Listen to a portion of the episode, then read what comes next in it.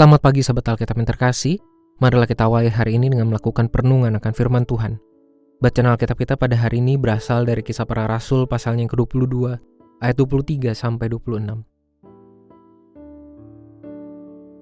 Mereka terus berteriak sambil melemparkan jubah mereka dan menghamburkan debu ke udara. Karena itu kepala batalion memberi perintah untuk membawa Paulus ke markas dan menyuruh memeriksa dan mencambuk dia supaya dapat diketahui apa sebabnya orang banyak itu berteriak-teriak demikian terhadap dia. Namun ketika Paulus ditelentangkan untuk dicambuk, berkatalah ia kepada perwira yang bertugas, Bolehkah kamu mencambuk seorang warga negara Roma, apalagi tanpa diadili? Mendengar perkataan itu, perwira itu melaporkannya kepada kepala batalion. Katanya, apa yang hendak kau perbuat? Orang itu warga negara Roma. Salah satu hal miris yang merupakan bagian dari realitas kehidupan adalah keadilan yang masih memandang bulu.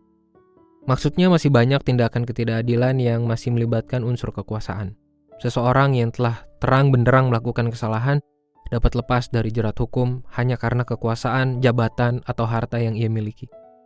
Sebaliknya, seseorang yang benar justru dapat direkayasa dan dinyatakan bersalah hanya karena kekuasaan dari beberapa pihak. Alhasil ketidakadilan dan kesemena-menaan pun semakin merajalela di tengah lingkungan bersosial. Tentu saja hal semacam ini adalah salah dan tidak dapat dibenarkan begitu saja. Pengalaman Paulus pada saat dipersekusi oleh orang-orang Yahudi di Yerusalem ini pun menampilkan sebuah ketidakadilan akibat cara pandang yang bias dan sikap yang penuh kesemena-menaan. Secara khusus hal ini muncul melalui sikap para perwira Romawi yang mengamankan situasi. Mereka hendak menyisa Paulus untuk mendapatkan informasi maupun kejelasan atas situasi yang terjadi. Penyisahan itu pun muncul karena mereka menyangka bahwa Paulus hanyalah orang Yahudi biasa. Namun tanpa mereka sangka Paulus ternyata memiliki keluarga negaraan Roma.